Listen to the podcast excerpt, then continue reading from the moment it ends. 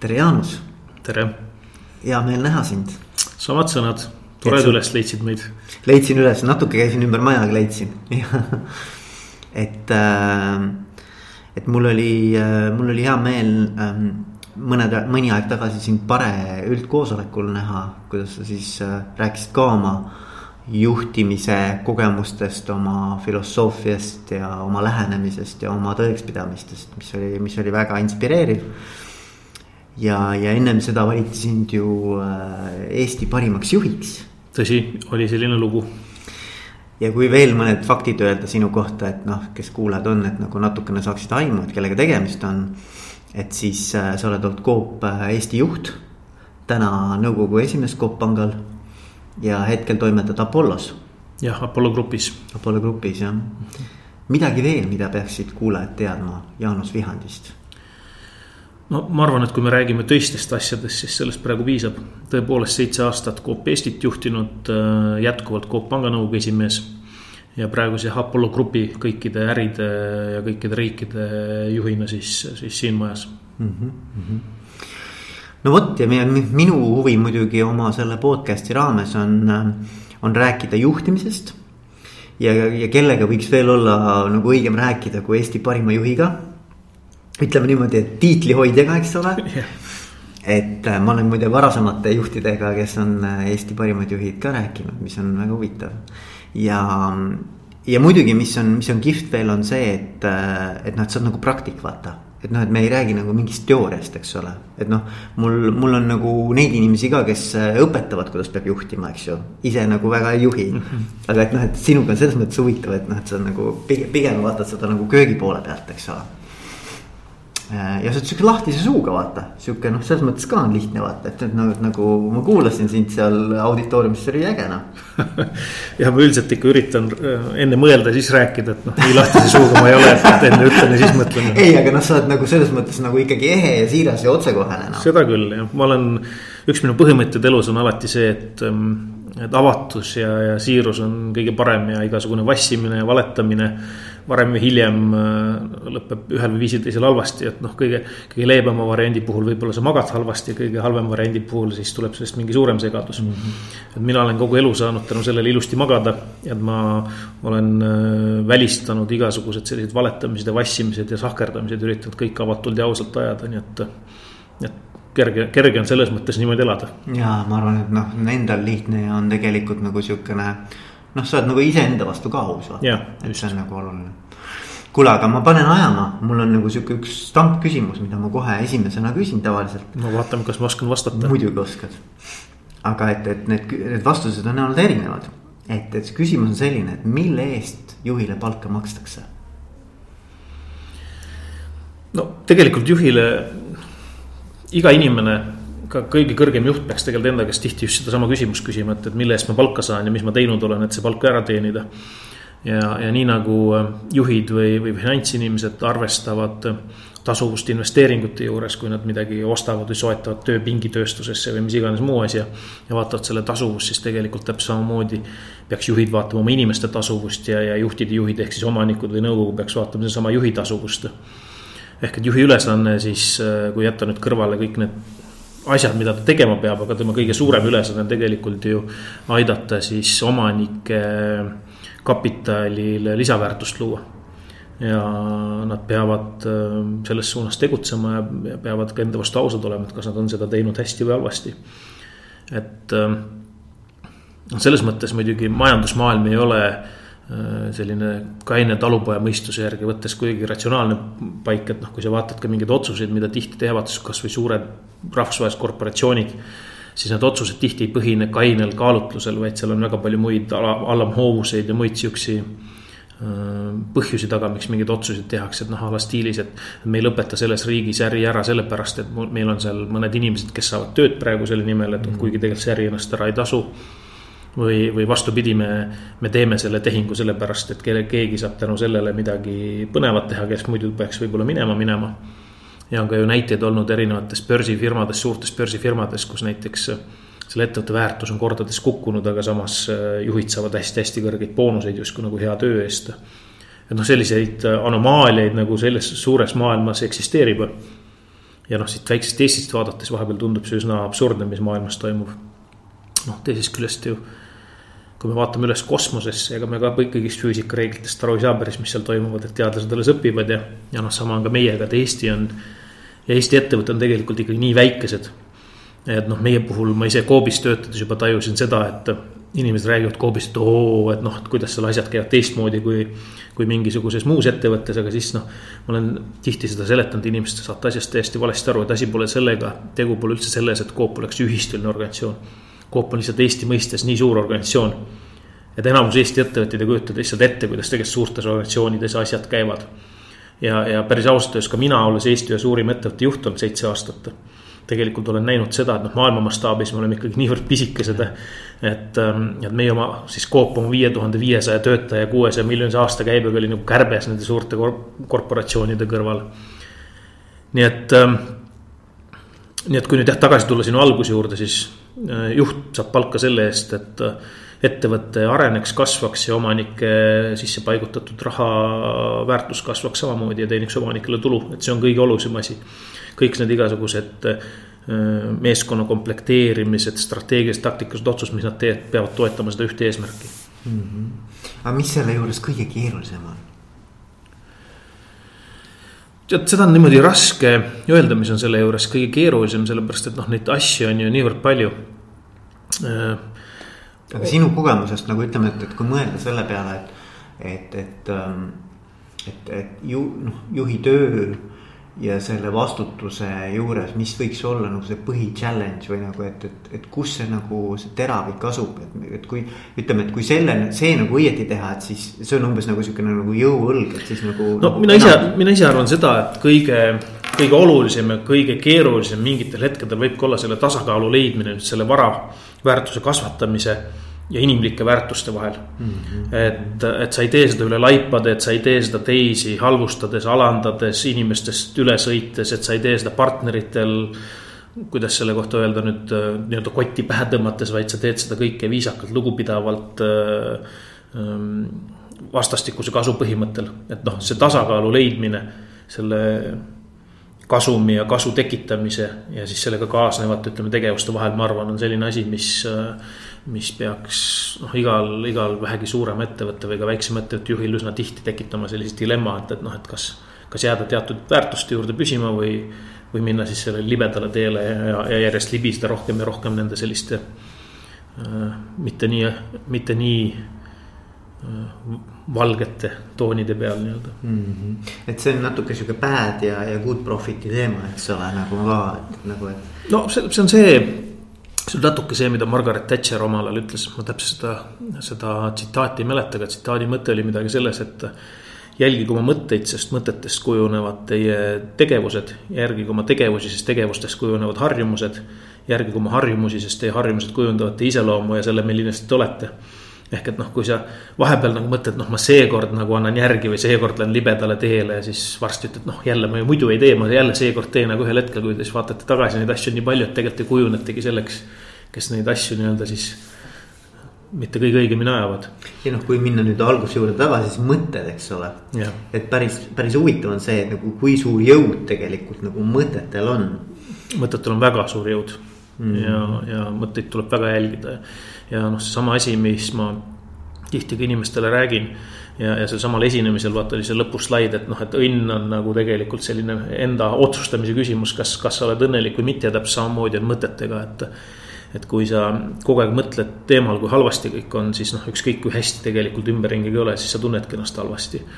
et mul on meeles selle kohta selline lasteluuletus, mida mu abikaasa äh, kunagi mulle lasteaiast kaasa tõi, oli see, et elu on, lill ütles liblikas, elu on sitt, ütles sitikas elu on vesi, ütles Scon ja neil kõigil õigus on. ehk et see, kuidas sa maailma näed, tegelikult kujundabki seda keskkonda, milles sa elad.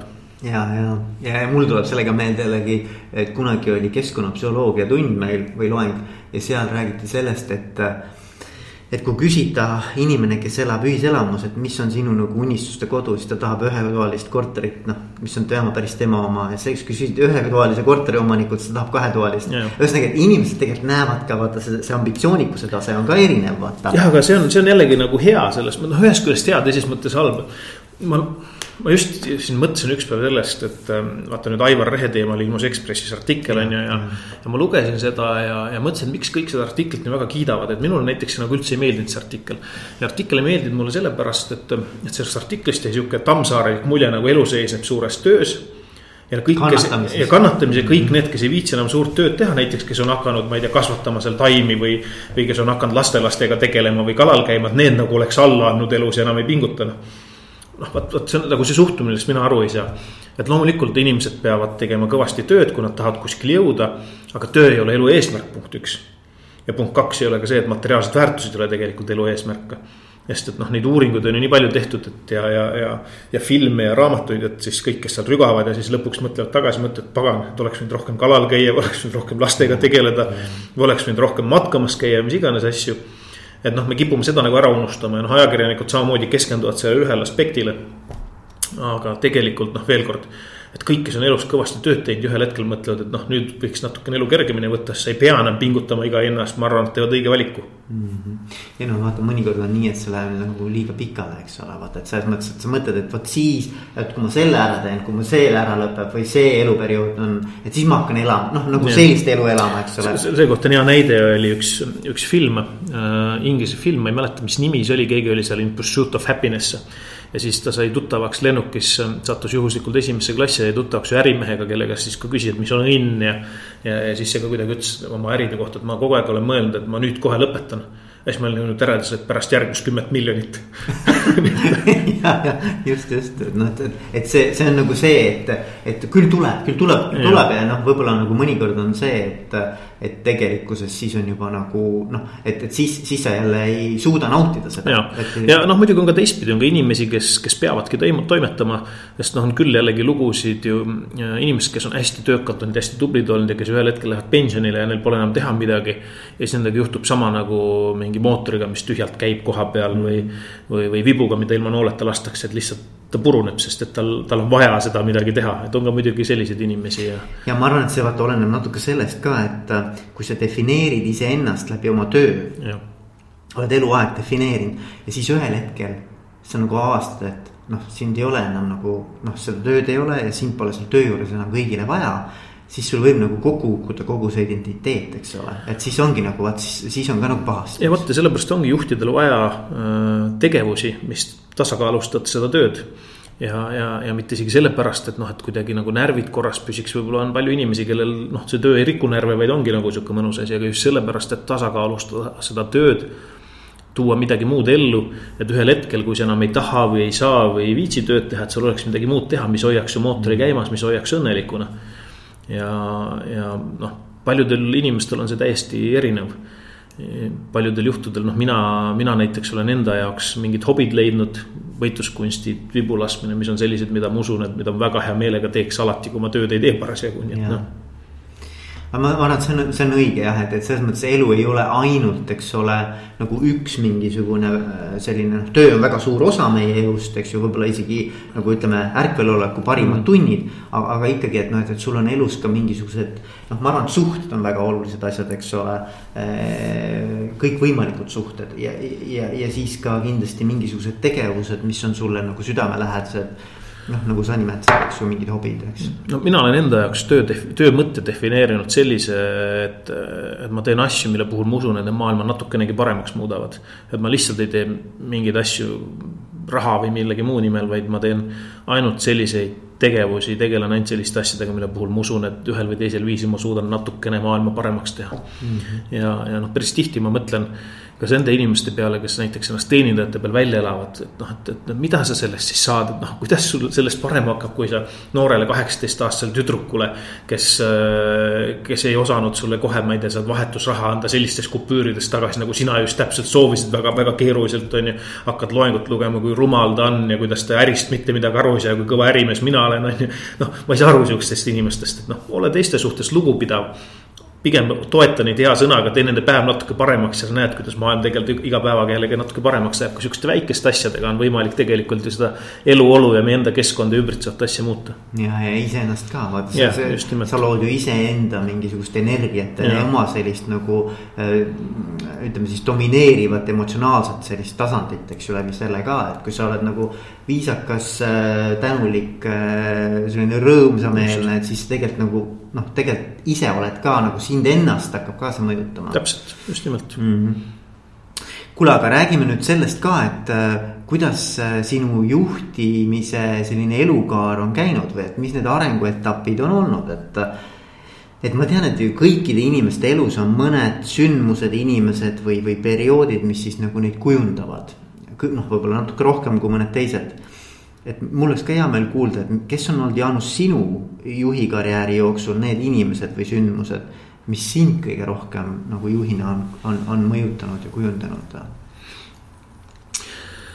jah, see on selles mõttes on ta ühest küljest lihtne küsimus, et noh, et kuidas minu juhtimiskarjäär on arenenud, siis ta on arenenud niimoodi, et kõigepealt juhtisin jalgratast. siis juhtisin traktorit siis hakkasin juhtima muid asju, on ju, kuni lõpuks jõudsin ettevõtete juhtimiseni välja. Aga nüüd see küsimuse teine pool, et, et kuidas jah, niimoodi juhina, mitte siis asjade juhina, vaid organisatsioonide juhina, kuidas see areng on käinud, siis. noh, kahtlemata minu elu üks kõige suuremaid murrangupunkte, milles puhul ma ei tea, kuidas, kuidas mu elu oleks teistpidi läinud, kui. kui oleks olnud ühte noh, väga kurba sündmust, et kui ma olin kuueaastane, sai mu isa surma mm. -hmm. ja, ja siis me oleme kogu elu pidanud siis, äh, siis ilma isata hakkama saama maal elades.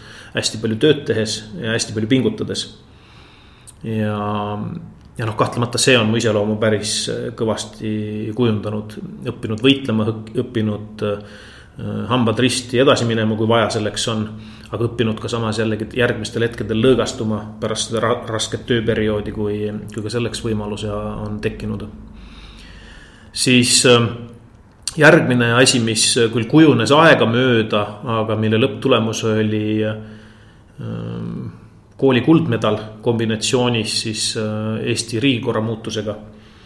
Äh, mis võimaldas mul minna siis matemaatikaeksamit äh, sajast punktist saja peale tehes Tartu Ülikooli majandust õppima, oli kindlasti järgmine väga-väga suur samm. ja, ja võib-olla isegi mitte sellepärast, mida seal ma majanduses õppisin, sest et päris tõele au andes.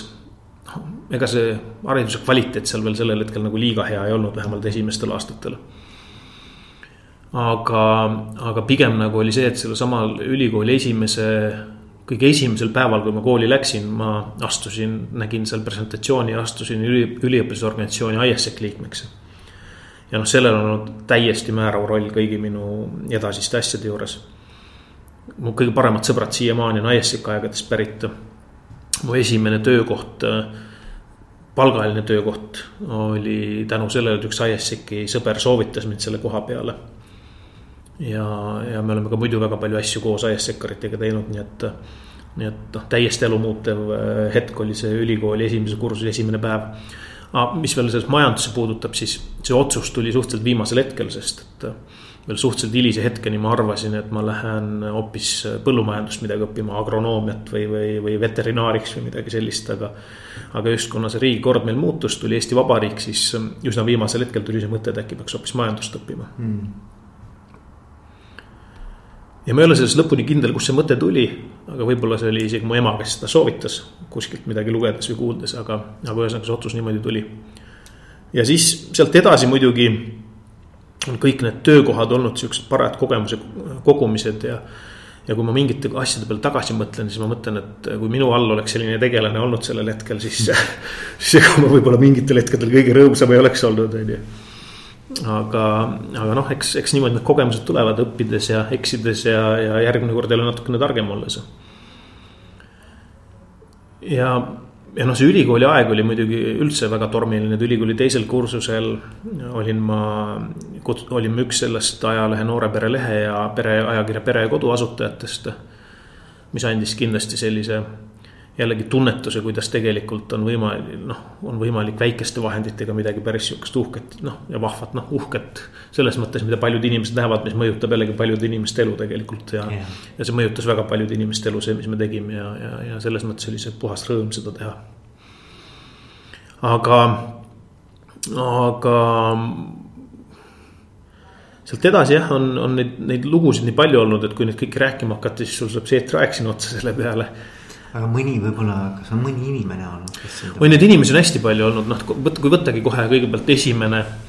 minu esimene tööandja, kes minust palgalise tööle võttis pärast seda ajakirja karjääri, kui ma Tallinnasse suundusin, sellesama ISIC-i sõbra soovitusel oli siis Pricewaterhouse audiitorfirma. Ja selle partner Urmas Kaarlep, kes, kes noh, hästi palju tegelikult õpetas ja, ja kelle väga paljusid õpetussõnu ma siiamaani veel äh, igal pool edasi räägin. mis ja need printsiibid, mida ta õpetas, mis noh, kahtlemata ei olnud tema enda välja mõeldud, aga mida ta väga osa, veenvalt esitas ja, ja meelde jättis, näiteks seesama minu üks lemmikprintsiipe, see KISS keep it simple stupid hoia asjad väga lihtsad või lollikindlad, sest noh, vastasel juhul lähevad nad tuksi lihtsalt, kui sa nad liiga keeruliseks ajad ja. Ja, ja, ja väga palju muid selliseid ähm, ka personali valiku juures, et kuidas ta minu endagi valis, kes ma tegelikult raamatupidamisest liiga palju ei teadnud, on ju, aga kellel ta nägi lihtsalt sobivaid isikuomadusi, mida siis arendama hakata. et kahtlemata minu suur kummardus Urmas Kaarlepile, sealt edasi Äh, meelitas mu ESS-i tänane Eesti Energia juht Ando Sutter mm.. ja, ja, ja, ja ka see tema mõttemaailm tegelikult, kui, kui struktuurselt ja süsteemselt oskab mõelda. Äh, siis äh, ESS-i omanik Urmas Sõõrumaa jällegi väga-väga huvitavate printsiipidega ja, ja maailmanägemusega, kus, kus kindlasti mitmed tükid ka minule külge jäid. nii et, nii et jah, selles, selles mõttes on väga põnevate inimestega olnud võimalik koos töötada, Ants Luik, Gunnar Kobin. Äh, Ekspress Grupis, kui ma, kui ma seal töötasin, nii et. Et kindlasti on kõigilt midagi, mingeid siukseid tarkusi ja, ja teadmisi tulnud mm. -hmm. aga mis on, kui, kui nagu mõelda, et okei okay,, et mingisugused sellised nagu noh, ütleme alustalad või, või ütleme siuksed pillareid, mille, millele sinu enda juhtimisfilosoofia nagu tugineb. mida sa välja tooksid, mis on sinu jaoks kõige olulisem? minu jaoks on kõige olulisem tiimwork noh, ma olen seda igal pool öelnud ja olen igal pool demonstreerinud seda nelja musketäri pilti, et noh, teamwork on minu arust absoluutselt iga organisatsiooni edu aluseks, kui sul teamwork ei ole, siis pikaajalist edu organisatsioonist ei ole äh, võimalik loota. ja noh, me oleme jällegi näinud neid lugusid ja, ja, ja, ja kuulnud organisatsioonidest, kus nagu suur osa aurust läheb mingite sisemiste võitluste ja, ja mingi sisemise rivaliteedi ja, ja, ja mingite sihukeste õukonnamängude peale siis noh, ega need organisatsioonid ei, ei saa olla edukad pikas perspektiivis, sul peab olema hästi kokku toimiv tiim. Noh, niimoodi, niimoodi nagu jalgpallimeeskond või korvpallimeeskond või hokimeeskond või mis iganes meeskond. kui seal mingid lülid ei toimi, see organisatsioon ei toimi, kui sa tahad olla võitja ja, ja, ja pikas perspektiivis võitja, sa pead jube hästi.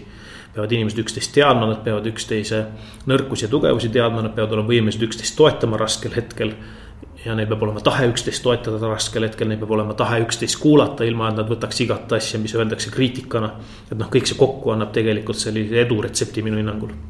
Mis, aga, aga mis on nagu ütleme, kui praegu kuulajad, eks ole, mõtlevad, ma olen sada protsenti nõus Jaanusega. ma arvan, et enamus, ma arvan, kõik on nõus aga et kui nad küsivad endale, et aga okei okay,, et aga mis on see üks asi nagu, mida ma saaksin kohe teha näiteks, et. või et, et, et kuidas ma saaksin sellel teel nagu paremaks, et mida ma saan teha, et oma tiimi rohkem nagu siukseks. nagu sa ütlesid nagu, kokkumängivamaks teha, eks ju nojah, see kohe tegemine on muidugi väga, väga keeruline, et ma olen siin mitu korda näidet toonud sellest, kuidas värskete maa, noh, mitte enam nii värskete, aga viimaste jalgpalli maailmameistrite tiimi koostati, kui palju faktoreid seal tegelikult läbi mängiti ehm, ja, ja siis on veel üks, üks faktor, mida läbirääkimiste juures kutsutakse BATNA, mis on siis best alternative to äh, agreement. Äh,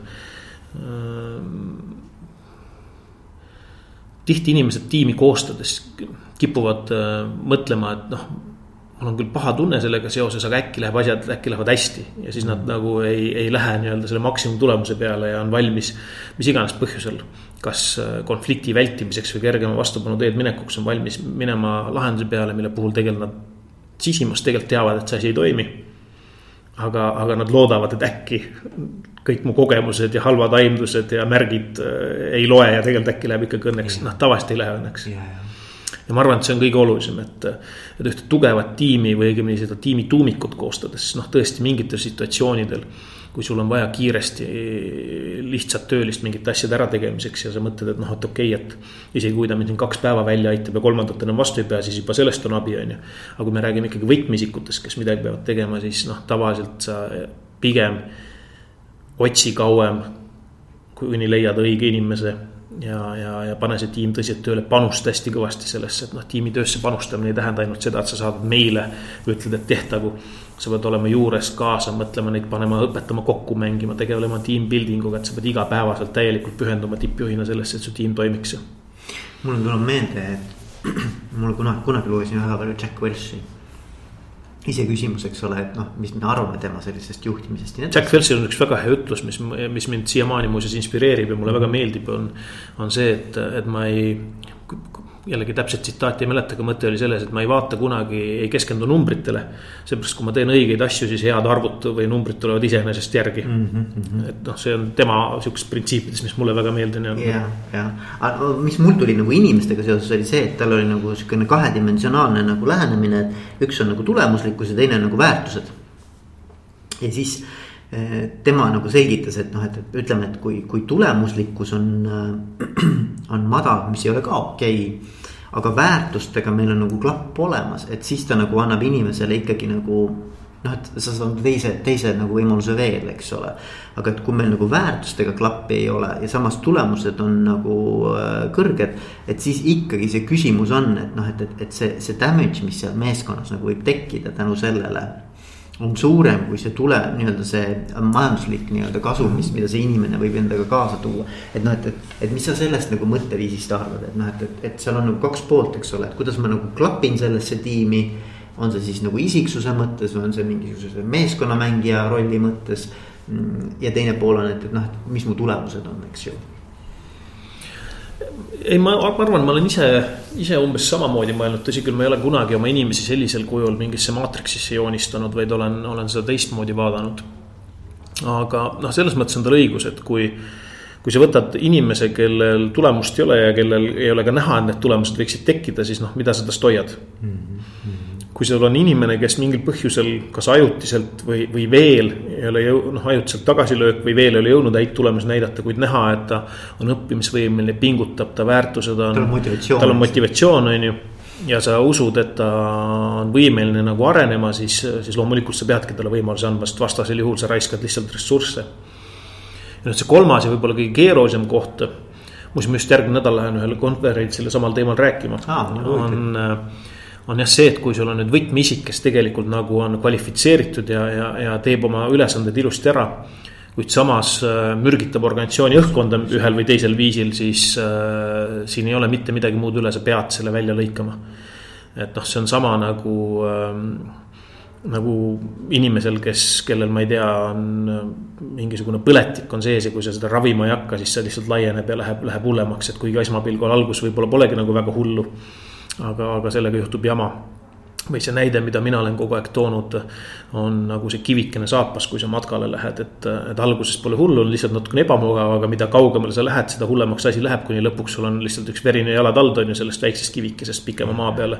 ja sama nende inimestega, kes organisatsiooni mürgitavad, et, et alguses nagu tundub, et võib-olla pole hullu, aga see asi läheb ajas aina hullemaks ja, ja sa pead selle kivikese sealt saapasest nii-öelda välja võtma. ja ma arvan, et see on niisugune noh, see on nagu tõrv äh, meepotis või noh, sihukene nagu kasvõi üks väike piisk, see rikub nagu kogu selle asja ära. et, et, et nendel emotsioonidel, mis, mis siis on, nagu sa ütlesid, nagu mürg, mürgised emotsioonid, eks ole. mina, mina ei võrdleks seda selle rahvaliku ütlusega tõrv meepotis, vaid pigem on see nagu hallitus. ta on nagu see, et sa näed, et ühes punktis on nagu asi halb ja kui sa seda sealt välja ei lõika, siis ta läheb igale poole laiali. see hallitus kasvab ja läheb igale poole laiali, ta lööb kogu see organisatsiooni lõpuks hallitama ja rikub ära kogu selle terve, terve, terve õhkkonna. ja noh, ma mõtlengi, et need emotsioonid on tegelikult nakkavad, et, et selles mõttes ta nagu mõnes mõttes nagu levib niimoodi nagu noh, mingisugune viirus, eks ole. et, et selles mõttes on see väga oluline jah aga ma olen näinud, kusjuures, kui sa ütled näiteks, et noh, me kipume nagu mõtlema nii, et küll see läheb paremaks või küll, küll, küll asjad muutuvad nii-öelda nagu loksuvad paika või kõik küll korda saab. siis ma olen näinud väga palju, et just nimelt nende inimeste puhul, kes tegelikult on nagu tugevad performer'id. Kuid nad noh, on näha, et nad on nagu, nagu lihtsalt nagu kõigile nagu kogu meeskond nagu kannatab nagu nende sellise on see siis mingisugune mis iganes äh, põhjus, miks nad sellised on natukene no ütleme, siuksed nagu hõ tekitavad hõõrumisi nagu mees meeskonnas. et, et, et siis, siis tegelikult püütakse nagu neid ikkagi hoida. jah, siin tuleb jällegi jah eristada seda, et, et kuidas, kuidas need probleemid tekivad, et noh kui me räägime nagu sellisest, kes inimesed on lihtsalt pahatahtlikud ja lihtsalt mürgitavad, noh, siin, siin ei ole midagi võimalik paremaks teha, noh, sa võid rääkida. ta võib sulle isegi lubada, aga noh, ta ei muutu, kui ta on täiskasvanud inimene, noh, seda on korduvalt proovitud ja noh, see on fakt, ta ei muutu. mis iganes põhjusel, kas talle ei sobi need inimesed või talle ei sobi see keskkond või talle ei sobi noh, mis iganes. aga noh, tavaliselt need asjad ei lähe paremaks, noh, võib-olla ütleme, on seal paariprotsendiline tõenäosus, et asi läheb paremaks, aga üldiselt mitte samas on ka teisi situatsioone, kus need väga kõrge tulemuslikkusega high performer'id tegelikult tekitavad organisatsioonis hõõrumisi, sellepärast organisatsioon ei ole valmis nende tulemuseks. mul endal üks kogemus ühest ähm, organisatsioonist, kus ma töötasin ühe müügiinimesega kes tegi super tulemusi, ta tegi nii häid tulemusi, et noh, see oli täiesti crazy lihtsalt üle mõistuse organisatsiooni kogu panusesse võttes aga ta oli absoluutselt maailma kõige halvem bürokraat. noh, igasugune paberimajandus selle juures tema jaoks täiesti üle jõu käiv. raamatupidajad hullusid, kõik noh, sihuke bürokraatlik organisatsioon hullus selle ümber, kõik ütlesid, laske ta lahti, te näete, ta teeb meile segadusi. aga me leidsime hoopis teise alternatiivi, me palkasime talle assistendi me leidsime inimese, kes aitas tal, teda tema nõrkusega, aitas tal sellest nõrkusest üle saada. ja lõpuks olid kõik väga õnnelikud. et noh, see on jällegi seesama asi, sa pead aru saama tegelikult, mis on selle asja põhjus ja mis seal taga on. jah, et, et, et ma saan sellest aru, kui tal on mingisugune, ütleme sihukene nagu nõrk, noh, nii-öelda nõrkus, eks ju, kõrval. mida siis kuidagimoodi nagu noh, kas teise tiimiliikmega või kuidagi tasakaalustad ära, eks ju, kompenseerid ära aga ma mõtlen just nagu, et, et ütleme, et, et tavaliselt, mis juhtub, on noh, mis tavaliselt, ega mul neid case'e nii palju ei ole, aga, aga mida ma olen näinud päriselus on. Need on nagu nii tugevad äh, isiksused ise nagu ja, ja sellised performer'id. et nad teavad ka, et neist sõltub nii palju selle järgmise juhi tasandi edukus. et, et nad mõnes mõttes panevad nagu selle see on nagu pantvangi seis natukene vaata. jah, aga see pantvangi seis ainult tundub neile niimoodi, sest tavaliselt need inimesed on sellised, kes hakkavad mõtlemagi, et kogu organisatsioon seisabki ainult nende õlgade najal. ja, ja nad hakkavad vastavalt käituma. tegelikult ei seisa. tegelikult nad on üks lüli organisatsiooni sees tegelikult on nende taga, kõrval ja ümber väga palju tublisid inimesi, kes ajutiselt saavad ilma nendeta tõenäoliselt päris hästi hakkama. ja kuid pikas perspektiivis tuleb sul leida lihtsalt õiget eh, isikuomadustega, õige maailmavaatega inimene sinna siis seda, seda rolli täitma. nii et noh, minu soovitus on küll ikkagi need sellised suhted võimalikult kiiresti ära lõpetada ja, ja leida parem lahendus ja, ja ei, ma, ma olen nõus jah, ma arvan, et peab olema teadlik, sest et noh, et, et, et see on nii kerge tulema, et, et sa ikkagi otsid nagu põhjendusi, miks see kõik ikkagi nagu noh et, et püüame ikka, püüame kuidagimoodi, et noh, hakatakse seal nagu mängima nende mm. erinevate suhetega, eks ju. ega püüdmine, nagu ma ütlesin, ei ole paha, noh selles mõttes, et jällegi, kui sa. kui sa ei taha olla hoolimatu inimeste suhtes ja suhtuda inimestesse nagu ma ei tea, tikkudesse, tõmbad põlema ja viskad minema, on ju, siis sa peadki püüdma.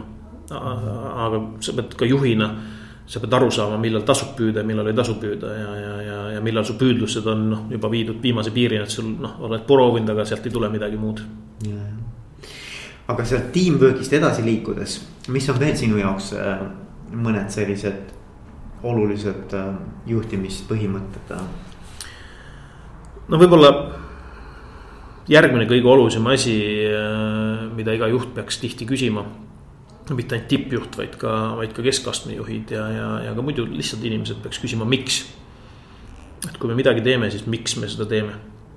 mis me siit saada tahame, kas see, mis me siia panustame ja see, mis siit tagasi tuleb, on seda pingutust väärt, sest noh, hästi palju tegeletakse organisatsioonides asendustegevustega tehakse hästi palju, tegeletakse nice to have asjadega, et kus kõik arvavad, jube lahe oleks seda teha, kõik hirmsasti panustavad, vahepeal veel minnakse tülli, siis lepitakse ära, panustatakse aega, raha ja energiat ja siis tegelikult tuleb üks sihukene asi välja, millest noh, otseselt mingit kasu tegelikult organisatsioonil ei ole.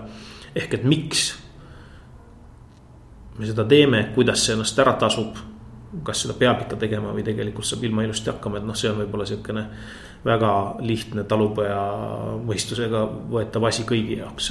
ja mm. aga tihti kiputakse seda ära unustama suure raaga või massipsühhoosiga kaasa minnes, kuna keegi, kuna keegi ütles.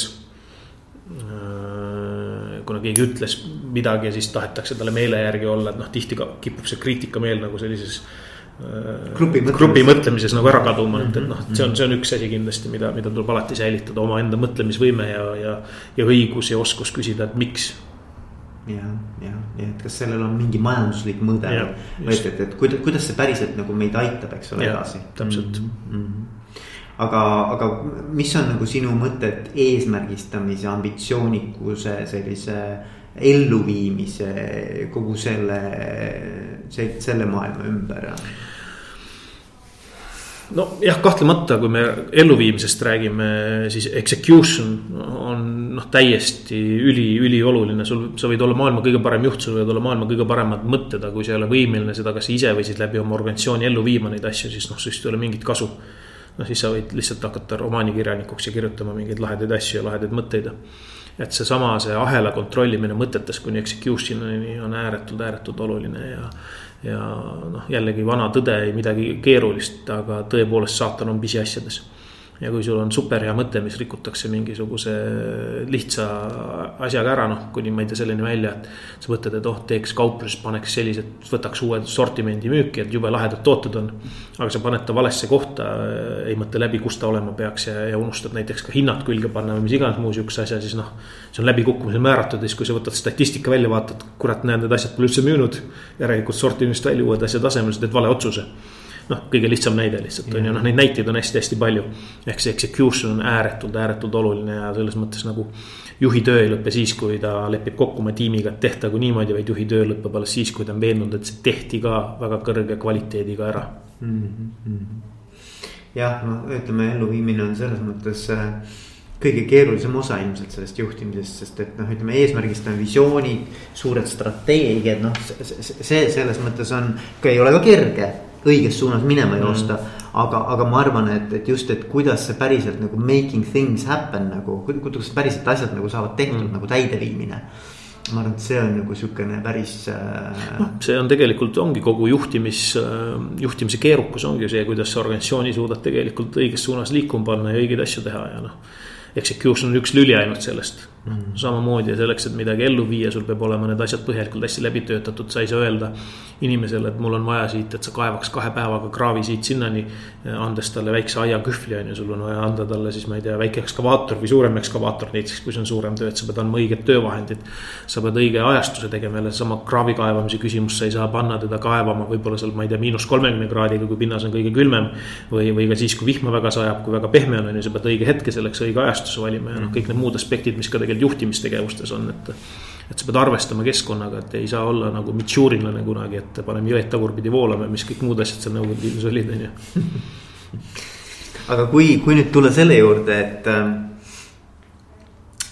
ütleme, et on spetsialist, kes on just saanud juhiks.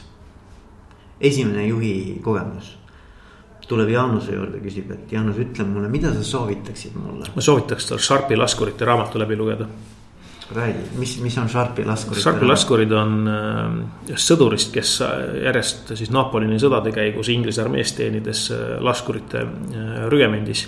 mis oli oma uus moodne relvaliik, mitrauaga püssid siis vanade, vanade relvade asemel kuidas ta siis lihtsast sõdurist hakkas ohvitseriks saama ja mis, mis mured ja probleemid ja kuidas siis ei olnud ohvitseride seas ei võetud omaks ja sõdurite jaoks olid juba võõraks jäänud ja kõik need tema kõhklused ja asjad muude action'ite kõrval, mis seal toimusid lihtsalt sihuke hea huvitav lugemine, soovitan läbi lugeda selle ja, ja siis soovitan jah mõtestada, et ongi, et, et mida ja miks ma teen. et noh, väga tihti minnakse sellesse lõksu, et hakatakse tegelema lihtsalt enese kehtestamisega, et, et kuidagi noh, mõni, mõnel lööb võim pähe mõnikord, sihuke künkakunni sündroom on ju. mõni arvab, et juhtimine käibki niimoodi, kui hakatakse lihtsalt käske jagama, on ju, et noh, tegelikult mida ta peaks tegema, ta peaks jääma inimlikuks ja inimeseks hoidma neid samu vanu suhteid, mis tal olemas olid.